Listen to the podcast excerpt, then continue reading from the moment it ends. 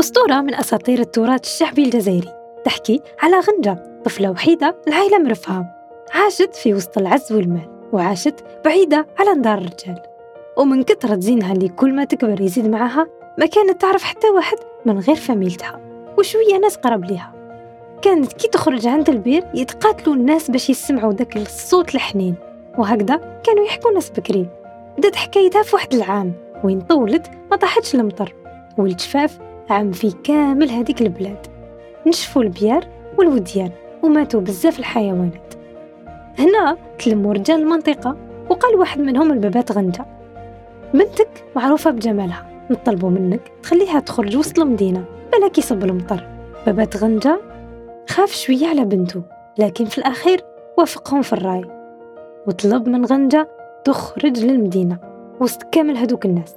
ومع اللي خرجت الغنجة ناض وسط المدينة ريح قوي وجاب معاه الغيوم والمطر وبقات هذيك المطر صب ثلاث أيام.